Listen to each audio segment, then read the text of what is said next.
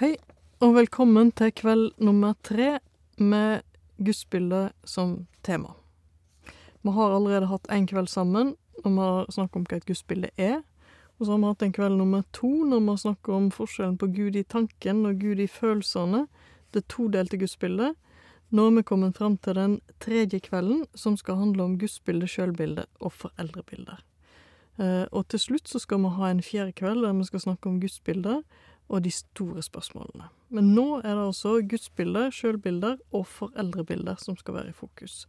De tre henger sammen og påvirker hverandre, og det kommer til å være tema for det som jeg skal snakke om nå. Men la oss først gå litt tilbake til det som vi snakket om forrige gang. Forrige gang så snakka vi om at mennesker danner seg forestillinger om hvordan relasjonen til Gud er. Og det gjør vi ved at vi fyller ut bildet av Gud med materiale fra erfaringer som vi har gjort i relasjoner med mennesker. Ingen av oss møter Gud ansikt til ansikt, og for å kunne forholde oss til Gud, så må vi fylle ut bildet av Gud med det materialet vi har, altså med erfaringer vi har gjort i relasjoner med mennesker. Eh, men det skjer på ganske avanserte måter, så det er ikke alltid at vi kan liksom relatere gudsbildet vårt direkte tilbake til relasjonserfaringer vi har hatt. Men gudsbildet vil være prega av de relasjonserfaringene vi har hatt gjennom livet vårt. Så har vi snakket om at eh, de relasjonelle, emosjonelle, følelsesmessige delene av gudsbildet er delvis ubevisst. Vi har ikke direkte kontakt med det, med bevisstheten vår, med tanken vår. Eh, og derfor så kan det være stor forskjell på det vi kaller for livssynet vårt, altså den bevisste, logiske tenkningen vår rundt Gud, rundt livet, rundt døden, det som på en måte er vårt livssyn, eh, og det vi føler for Gud. Livssynet og følelsene for Gud, Gud i tanken og Gud i følelsene, kan være veldig forskjellig hos et menneske. Og det var temaet sist. Hovedtemaet denne gangen er at vi skal se mer direkte og litt djupere inn i hvordan vi fyller ut bildet av Gud med materiale fra erfaringer vi har gjort i relasjoner med andre mennesker. De aller første omsorgspersonene våre, de som møter oss når vi kommer til verden, er ei særlig viktig kilde til relasjonelt materiale som fyller ut bildet vårt av Gud. Ofte er det mor og far som er de første omsorgspersonene våre, men i denne sammenhengen her så er det viktig å forstå og understreke at det ikke trenger å være mor og far. De som gir bidrag til gudsbildet, er de personene barnet har en relasjon til, helt uavhengig av om de er barnets mor og far eller ikke.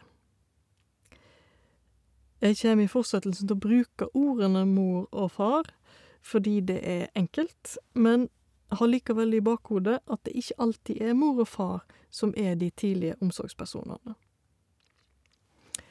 Det er en nær forbindelse mellom gudsbildet, sjølbildet og mor- og farsbildet. Hvis den ene av disse tre blir endra, så endrer de andre to seg òg. Og det vil si at hvis det skjer noe med sjølbildet ditt, eksempel, så vil de indre forestillingene dine om mor og far og Gud òg bli endra.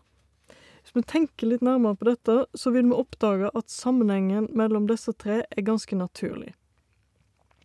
Hvis en person får et sjølbilde som gjør at han eller hun blir tryggere på seg sjøl, så vil forholdet til mor og far bli endra.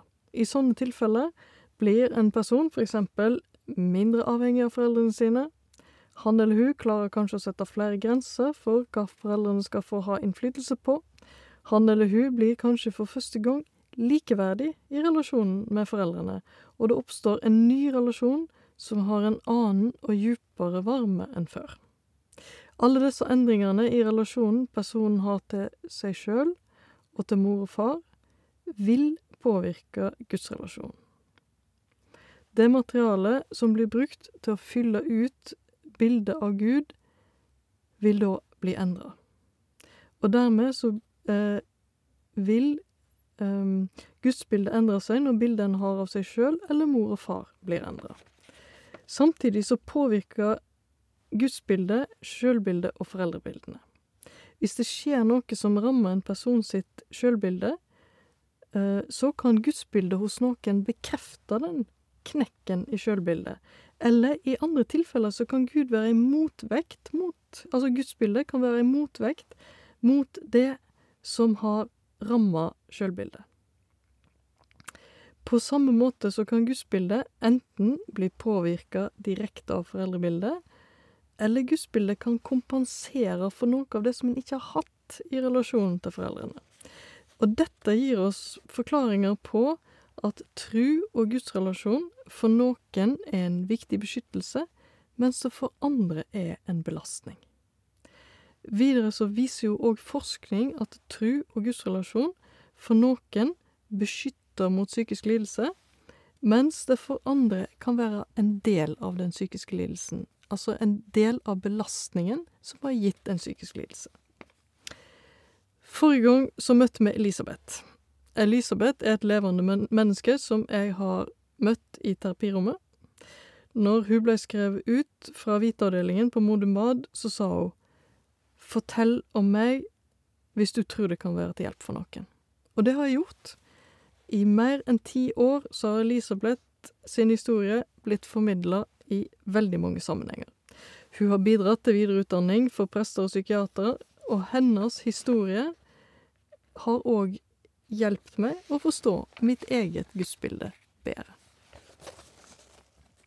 Først en liten repetisjon. Vi kaller henne for Elisabeth, men hun heter jo selvfølgelig egentlig noe annet. Hun vokste opp eh, i, i en menighet sammen med en familie som var veldig tett knytta til den menigheten. Hun hadde en oppvekst som var annerledes, fordi den menigheten stilte krav, andre krav til livsstil enn det som er vanlig i vår tid. I, eh, og hun hadde en oppvekst som var annerledes enn eh, de andre ungene som vokste opp i nærheten av henne. Hun ble òg oppdratt til, oppfordra til, å ha avstand til andre barn. Hun kjente seg utenfor på skolen, og i menigheten så var den typen utenforskap eh, Det var holdt fram som et ideal, det var noe bra. En skulle ikke komme for nær de menneskene som ikke tilhørte menigheten. Eh, Elisabeth ble strengt oppdratt, og foreldrene brukte fysisk avstraffelse. Eh, og det var liksom en del av, av, hverdagen hennes, både som en trussel og som en realitet. Eh, Elisabeth følte veldig mye uro, uh, og hadde ikke noen trygghet noen plass. Det var ingen plass der hun egentlig kunne hvile. Foreldre og alle andre voksne stilte veldig store krav, eh, og Gud stilte veldig store krav. Og Elisabeth følte stadig at hun ikke nådde opp til det som ble krevd av henne. I tillegg så ble, var forkynnelsen i menigheten veldig retta inn imot at Gud er kjærlig, Gud bryr seg om mennesker, Gud vil sørge for mennesker og passe på mennesker. I sitt voksne liv så opplevde Elisabeth noen vonde, vanskelige kriser. Uh, hun strakk seg uh, veldig langt og strevde veldig hardt for å kunne nå opp til alle krav og alle uh, regler som skulle oppfylles, som var gitt gjennom forkynnelsen, og som da dermed var gitt av Gud. hun jobba hardt og intenst for å nå opp til kravene. Um, men hun opplevde aldri at Gud var sånn som han blei forkynt. Hun opplevde aldri en Gud som var til stede, og som var kjærlig, og som var nær. Um, og etter hvert så ble hun veldig nedstemt og sliten, um, og uh, hun orka etter hvert ikke å gå på jobb. Hun ble sykmeldt og begynte å gå i psykoterapi, og etter hvert så ble hun søkt til Modum Bad og innlagt på hviteavdelingen med en djup depresjon. Så sa jeg òg forrige gang noe om at uh, de som er innlagt på hviteavdelingen, de maler bilder. De har bildeterapi. Det vil si at uh, i, sånn som det er på hviteavdelingen, så maler de opplevelsen sin av seg sjøl, opplevelsen av mor og far, og opplevelsen av Gud. Det vil si at de maler ikke reelt sett Gud, men de maler det de føler for Gud, og det de opplever i møte med Gud. Um, og det er vanskelig for mange å få til. Uh, det er vanskelig å male Gud sånn som Gud oppleves, fordi vi har så mange tydelige tanker og uh, læresetninger som forteller oss om hvordan Gud er. Og når en kommer inn til som hvordan Gud føles, kan være en barriere for noen. Og det var det for Elisabeth. Um, det første bildet hennes uh, var en uh, slags andakt. Uh, og hun strevde med å bevege seg uh, fram imot de følelsene hun hadde for Gud. Hun forholdt seg bare til Gud sånn som Gud var i tanken hennes.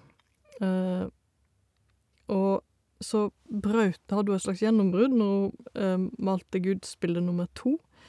Uh, det gudsbildet uttrykte den tomheten som hun hadde opplevd lenge, og som hadde vært veldig vond og vanskelig for henne. det gudsbildet nummer to var et tomhvitt ark.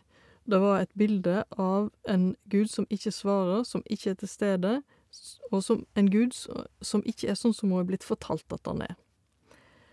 Uh, og jeg tenker at det er en nær sammenheng mellom det første og det andre gudsbildet. Det første gudsbildet er tankens gud, det andre er Gud i følelsene. Uh, og uh, de to første gudsbildene de forteller òg Elisabeth sin historie. Hun hørte forkynnelse om en kjærlig gud, og straks er lenger og lenger for å orke å leve opp til det hun lærte i menigheten, um,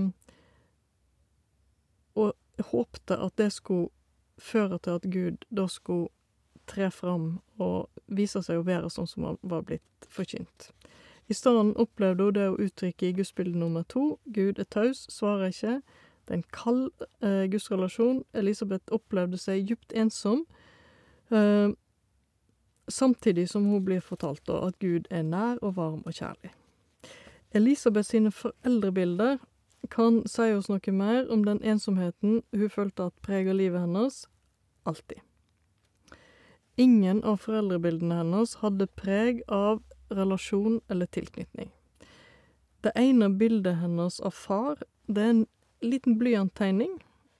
Altså, arket er bare fylt ut oppi det ene hjørnet, en liten blyanttegning av en mann som sitter med ryggen til i hjørnet av arket og holder på med kontorarbeid. Han sitter på kontorstolen sin framfor en liten pult som Elisabeth har tegnet inn i bildet, og han sitter med ryggen til. På samme måte, det ene morsbildet viser ei kvinne som står med ryggen til framfor komfyren og lager mat. Både farsbildet og morsbildet har store, tomme, hvite felt.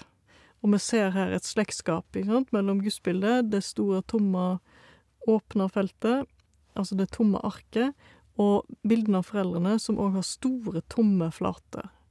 Store, uutfylte flater, som jeg tenker at uttrykker Elisabeth sine savn. Foreldrene var ikke der. Foreldrene holdt på med praktiske ting, og de relaterte ikke. Det var ikke relasjon der. Far og mor med ryggen til, ingen ansikt, ingen blikk, ingen berøring. Ingenting av det som gir opplevelse av relasjon. Og når Elisabeth da får forkynt um, en gud som er varm og nær, så er det vanskelig å få det til å gi mening i hennes tilværelse. Hun har ikke noe som hun kan legge inn i det gudsbildet for at det skal bli en levende realitet inni henne, for dette har hun aldri erfart. Um, hun hadde altså ingen varme, nære relasjonserfaringer å fylle gudsbildet sitt med. Hun hørte om en varm og nær Gud, men gudsbildet som ble bygd opp i følelsene hennes, var prega av at tomheten og ensomheten og kulden hun opplevde i relasjonene til foreldrene, og spredte seg til gudsbildet. Jeg har tenkt at eh, Elisabeth sin historie kan være et eksempel på noe som den argentinske psykiateren Anna Maria Risutto har sagt om det å snakke med barn om Gud. Om den Gud vi beskriver for dem, er forskjellig fra de erfaringene de gjør med oss, kommer ordene våre til å virke forvirrende, skremmende og til og med uutholdelige å lytte til. Altså det Risutto mener her, sånn jeg forstår det, det er at eh, det som taler til et barn om Gud, er først og fremst det Gud det, det barnet opplever i relasjon til den voksne som forteller. Det er det som i sterkest grad forteller et barn noe om hvordan Gud er. Hvis det er forskjell på måten vi beskriver Gud og erfaringen barn gjør med oss, hvis det er stor forskjell der, stor kontrast der, så vil det være veldig forvirrende og vanskelig for barnet å forholde seg til. Så hvordan gikk det med Elisabeth, da? Eh, det siste gudsbildet hun malte mens hun var innlagt på hvite, det viser et bitte, bitte lite rødt hjerte som er på lang, lang, lang avstand fra henne. Altså, det er en sånn distanse i bildet der det lille røde hjertet er langt på avstand. Um, men det er noe der i det bildet som har med relasjon å gjøre, og som har med nærhet å gjøre. Eh, og vi kan egentlig bare lure på hva det egentlig var for noe. Det kan hende at Elisabeth hadde gjort noen viktige erfaringer mens hun var innlagt på Vita. Jeg vet jo blant annet at hun hadde et nært og varmt forhold til de andre som hun var innlagt sammen med. Til de andre i den pasientgruppa. Altså, ei hvita gruppe består jo av åtte individer som er innlagt sammen i tre måneder. Elisabeth fikk et nært forhold til de som hun var innlagt sammen med. Uh, og i tillegg så hadde hun et nært og varmt forhold til oss som var terapeuter. Uh, og det kan hende at det som de relasjonelle tingene der som hun opplevde på Vita-avdelingen, det gjorde noe med henne og skapte noen små spirer. Tre måneder er ikke lang nok tid til at uh, en kan oppnå liksom sånne helt grunnleggende endringer i, i gudsbilder, i sjølbilder, i foreldrebilder.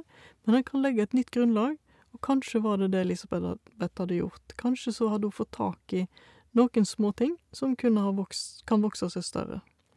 Eh, og kanskje er det nettopp det som har skjedd i Elisabeth sitt liv. Eh, kanskje er det sånn at det som hun fikk tak i på Vita, har vokst seg større, har blitt en mer levende realitet i det livet hun lever i dag. Hun har eh, i alle fall etablert nye relasjoner til mennesker som hun er veldig glad i. Hun har gifta seg og er stolt mamma til to barn. Og hun har òg funnet en måte å, for, å forholde seg til foreldrene på som nå fungerer for henne. Og i tillegg så er hun et medlem av en menighet som hun òg kjenner seg komfortabel med. Hva har vi lært om gudsbilder nå? Gudsbildet blir preget av relasjonserfaringer som vi har gjort i møter med mennesker, og det er særlig det vi erfarer i møte med de tidlige omsorgspersonene som setter preg på gudsbildene. Og det kan være en, en vei til å forstå hva vi føler, og hvordan vi opplever Gud. En vei inn dit kan gå gjennom og spørre hvordan har jeg hatt det sammen med de som var mine viktigste omsorgspersoner, de som var foreldrene mine, har jeg hatt det sammen med dem. Men så er det samtidig viktig å vite at det er ikke noen sånn direkte forbindelse her. Vi kan bygge opp et gudsbilde som eh, er en kompensasjon eh, for det som vi ikke fikk i relasjon til foreldre. Det er fullt mulig. Uh, og vi vet ikke helt hva det er som skjer inni oss, og hvordan vi bruker det relasjonelle materialet som vi har tilgjengelig, og hvordan det, hvordan det går inn i gudsbildet. Det har vi egentlig ikke kontroll over. Så den eneste veien til å forstå eget gudsbilde er å kunne kjenne på hvordan føles Gud? Hvordan føles relasjonen til Gud hvis jeg tør å slippe følelsene mine så fri som mulig? Uh, så gudsbildet er preget av relasjonserfaringer og særlig relasjonserfaringer med viktige omsorgspersoner. Gudsbildet kan endres når vi gjør nye relasjonserfaringer med nye mennesker som korrigerer de erfaringene vi hadde fra før.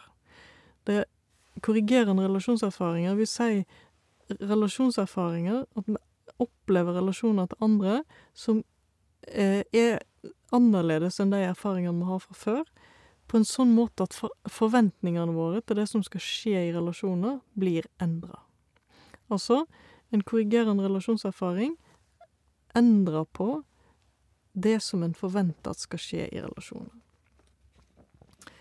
Eh, neste gang vi møtes, så skal vi se på gudsbilder og de store spørsmålene, eller med, sagt med et litt vanskeligere ord, gudsbilder og eksistensielle spørsmål. Nå har vi vært gjennom eh, tre samtaler, tre kvelder sammen, der vi har snakket om hva et gudsbilde er. Vi har snakka om skillet mellom Gud i tanken og skillet mellom, og skillet mellom Gud i tanken og Gud i følelsene. Og nå har vi snakka om sammenhengen mellom gudsbilder, foreldrebilder og sjølbilder.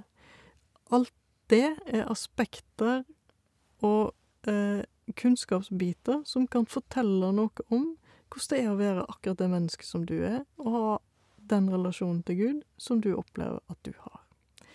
Tusen takk for i kveld.